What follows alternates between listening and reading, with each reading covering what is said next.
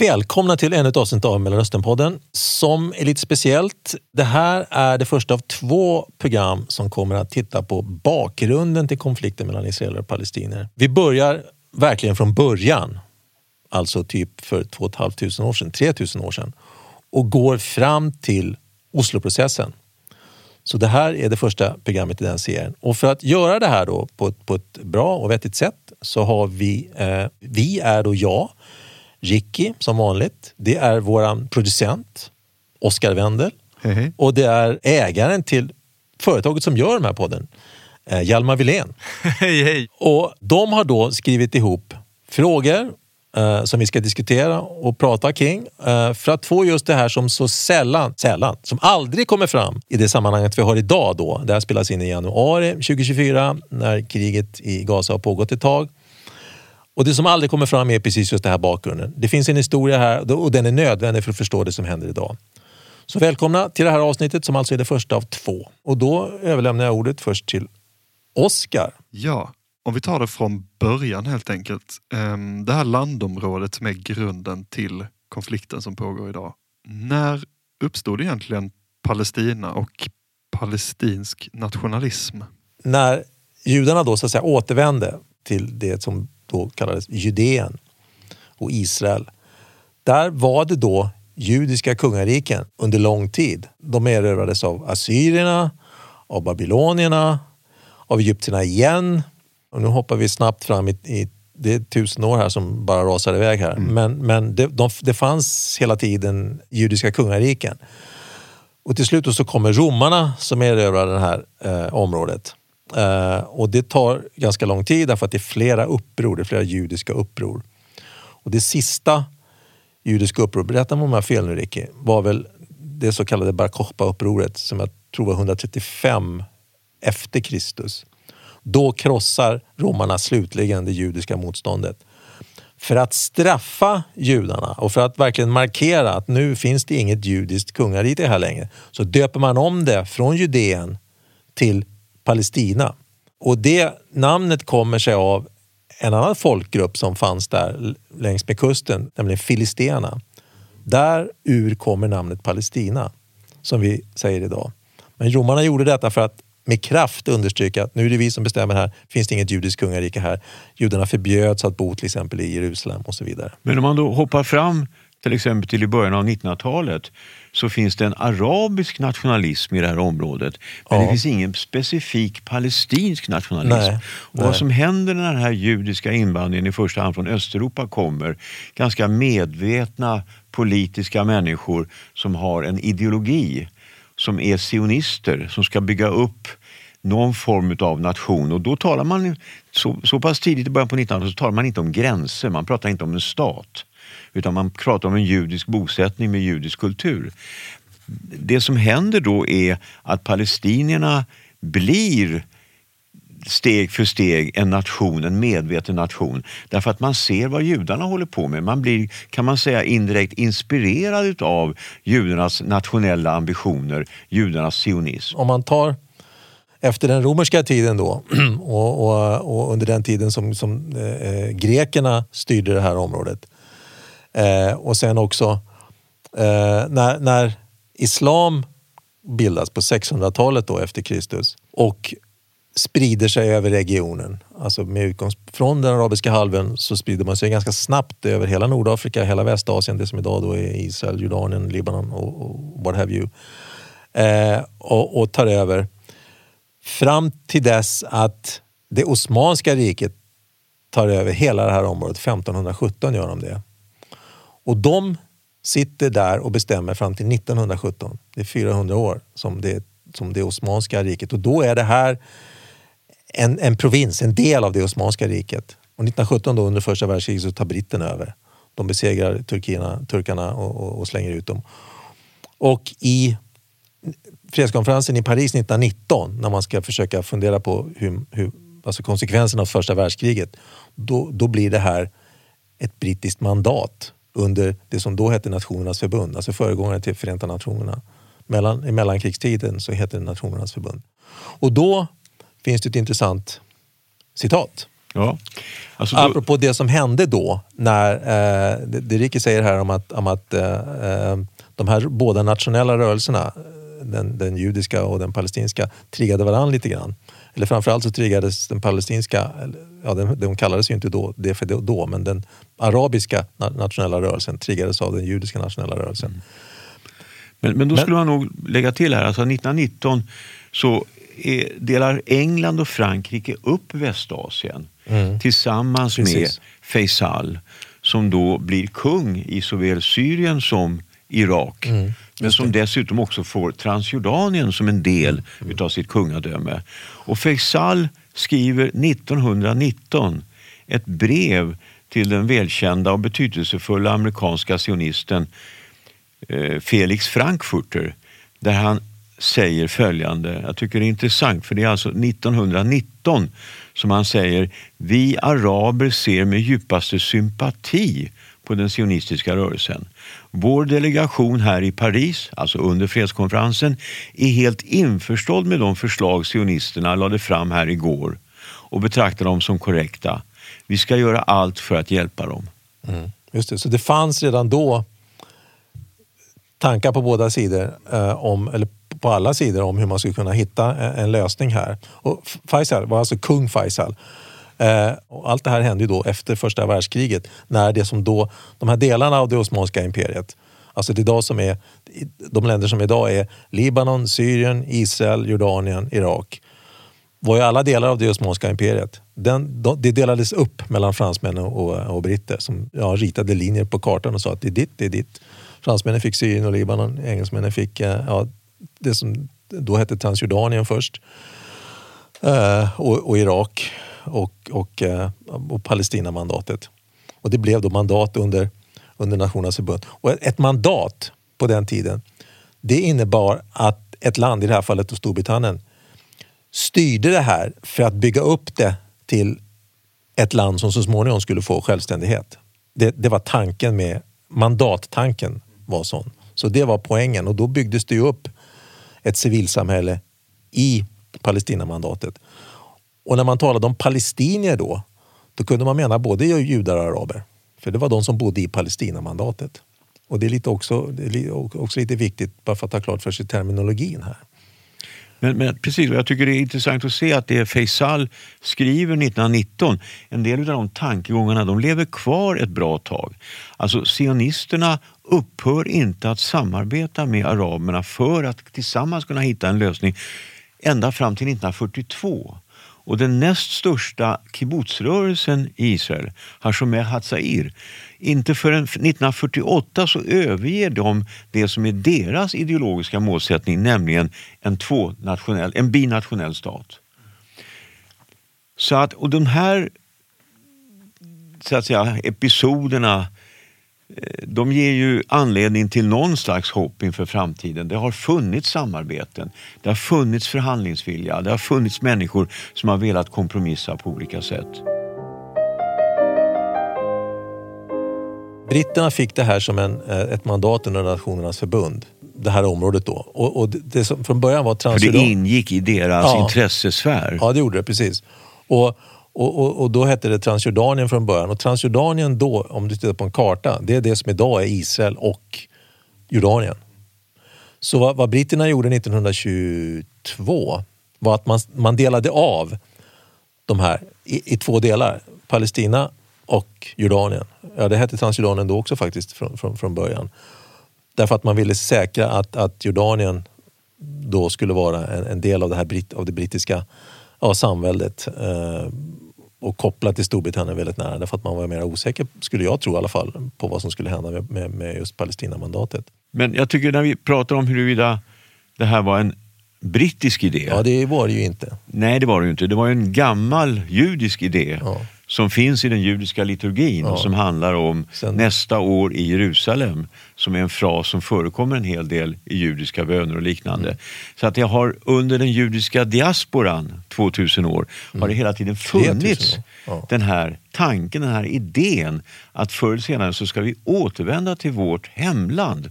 Vi ska inte längre leva i exil. Och Vad som händer då i slutet på 1800-talet är att den här idén om att återvända till Palestina eller Israel, den växer sig starkare. Den växer sig starkare bland annat därför att man ser i Östeuropa, det går inte riktigt att leva med icke-judarna. Det blir pogromer, det blir förföljelse, det blir mord. Och vad som också spelade en väldigt stor roll i den här historien är Dreyfus-rättegången i Frankrike som delar Frankrike lite grann i två delar. Vad är det för rättegång? Det, en, en, en judisk kapten, Alfred Dreyfus, eh, eh, fransk kapten i, artillerikapten i, i den franska armén, blev anklagad för att vara tysk spion, vilket han inte var. Han var oskyldig.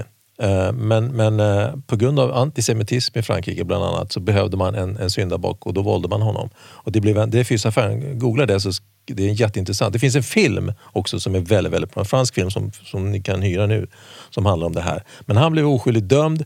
Han skickades i Djävulsön som ni känner till kanske utanför Sydamerikas kust som fransmännen har haft som fängelse. Men, och det blev en, en diskussion i Frankrike om det här eh, och en, en våldsam diskussion. Eh, och, och eh, bland annat eh, Sola, Sola, Emile Sola, Emile Sola. skrev en artikel som heter Jacques, alltså jag anklagar, där han talade om att det här är antisemitism, det här är fel. Han är inte skyldig. Och efter flera år så görs rättegången om. Han blir frikänd va? Eller man lägger ner, Ja, han eh, tror jag. frikänd. Han blir frikänd och får tillbaka sin grad i alla fall. Och det visar sig att den egentligen, för det var en spion, men det var en annan eh, eh, officer i den franska generalstaben som heter Esterhazy. När, när bevisen kommer upp igen så ser man att armén, franska armén har mörkat det här för det var en, en blind hade kunnat hitta det här. Men man, man, och då tycker man att den här, den här juden eh, Dreyfus, han får bli, han får bli, han får bli eh, syndabock här. Men det gjorde också, det, det, hörde, det fanns med och i den rättegången den bevakades eh, av en, en, en ung då journalist som heter Theodor Herzl som bevakade rättegången för eh, en österrikisk tidning, den största österrikiska dagstidningen. Och det triggade honom också i det här att se att, att han var också jude eh, och insåg att plötsligt att inte ens i det så att säga, civiliserade Västeuropa så är man säker som jude. Inte ens om man sitter så högt upp som i den franska generalstaben så är man säker. Vilken tid? 1897, eh, 1897 är det. döm, dömdes han. Rättelse om Dreyfus. Han dömdes 1894 och frikändes 1906. Men man kan säga att vad Herzl gör är att han Ja. formulerar de här idéerna program. på ett tilltalande Ja, sätt. ja. Det blir tillgängligt för många människor. Ja. Han skriver två böcker i ämnet och vad som händer är att det börjar rulla igång en sionistisk rörelse, en Ja. Mm. internationell judisk sionistisk rörelse där man ser hur kan vi praktiskt jobba för att få till ett land i Palestina. Ja. Och där är England väldigt viktigt. Men och, det, det var de ju inte då direkt, därför att då var det ju fortfarande det Osmanska riket. Den här delen av världen var, ja, var under det Osmanska riket. Och det som det de första bosättningarna eh, gjorde då var att de köpte land där av, av, av, av landägare i området. Innan vi går dit, har ni förklarat begreppet sionism? Nej, men det, det, lå- låt säga så här då. Sionismen är kort, eh, eh, den, eh, det, det judiska folkets nationella befrielserörelse. Och det finns en annan viktig aspekt här. I slutet på 1800-talet så blir nationella rörelser väldigt starka i Europa. Du har, du har ungrare, du har tjecker, du har polacker, du har en massa såna här nationella rörelser som då lever under eh, i imperier. Det ryska imperiet, eh, det österrikiska ungerska imperiet. Det, alla de här nationalstaterna som finns i Östeuropa idag var inga nationalstater då, utan det var delar av imperium.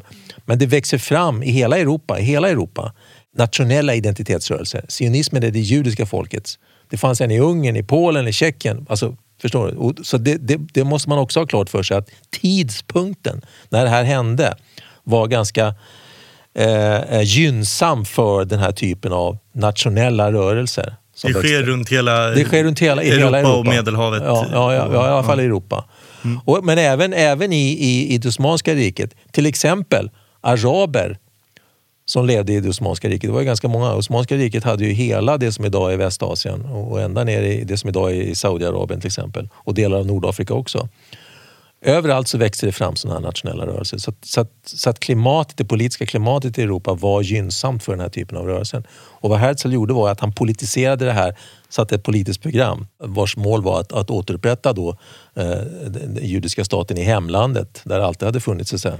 Men det var ju också så att under den här resan, under den tid som britterna hade mandatet från 1917 fram till 1948 så finns ett antal undersökningar, ett antal deklarationer och ett antal löften som går åt två olika håll. Det vill säga man både lovar judarna att de ska få sitt eget land men man har också en väldigt välvillig inställning till araberna och för att på något sätt få med dem på det här tåget så finns det löften till arabiska regeringar att även araberna kommer att få en post i Palestina. Även araberna kommer att få en position, eventuellt ett eget land.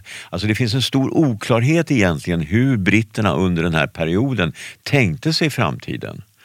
Och den här perioden slutar ju med egentligen att, att det blir kaos i det brittiska mandatet. Engelsmännen klarar inte av att hålla ihop det här längre. Och så utropas Israel 1948 som en del utav FNs engagemang. Så att egentligen vad som händer är att mandatet upplöses i slutet. Men i den processen då, eh, alltså, i, i, alltså innan andra världskriget om man, om man säger så, innan andra världskriget, så när, när spänningarna ökar i, i det här Palestinamandatet, då tillsätter ju olika kommissioner för att försöka, vad ska vi göra, vad ska man reda ut det här? Och en, den viktigaste skulle jag säga är en FN, FN, eller, ja, NF blir det då.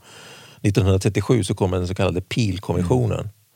Lord Peel, en brittisk ja, lord då, som, som får i uppdrag att titta igenom det här och presentera förslag till lösning.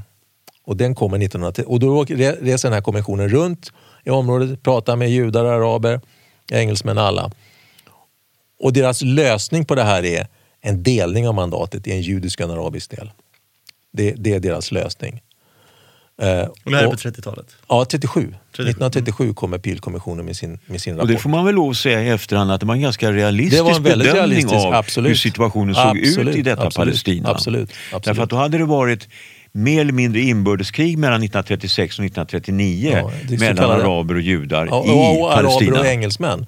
Och araber och ja, engelsmän. Arabupproret mellan 36 Men, och 39. men araberna då, Då. Bli, är, det, är det slarvigt att säga araber i och med att ni säger att det var flera folkgrupper? Nej, det är inte In- slarvigt.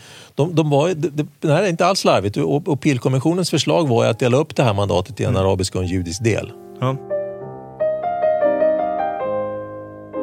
Araberna då under både det Osmanska riket och under den här mellanperioden, det brittiska mandatet, är, är, är det bra?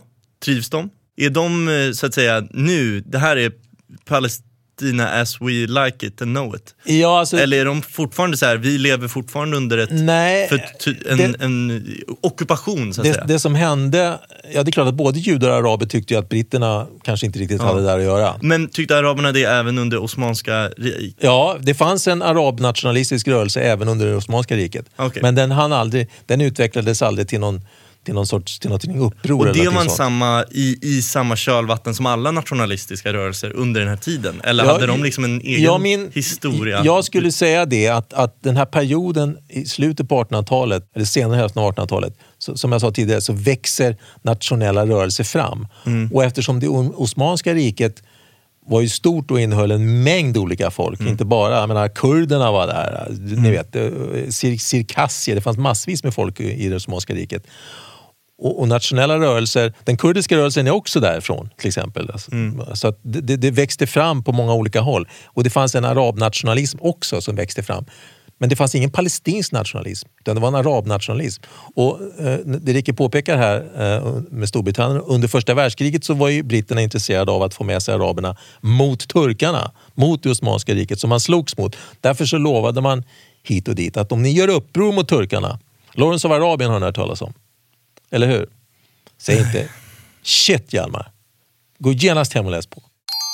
Lawrence of Arabien, eller Thomas Edward Lawrence som han hette egentligen, var brittisk officer stationerad i Kairo under första världskriget och han spelade en viktig roll i det arabuppror som britterna stödde mot det turkiska väldet under första världskriget.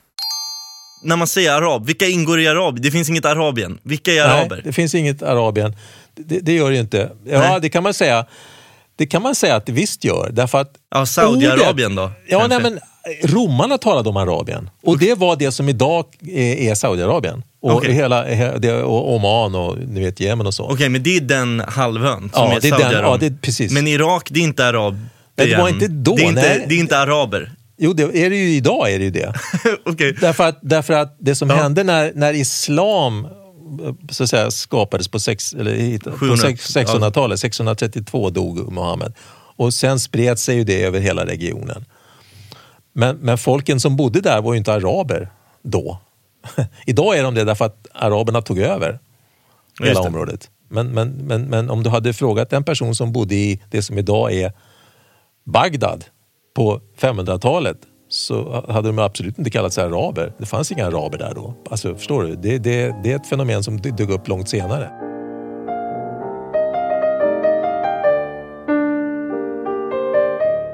Nästa avsnitt av Mellanösternpodden kommer om en vecka, den 8 februari.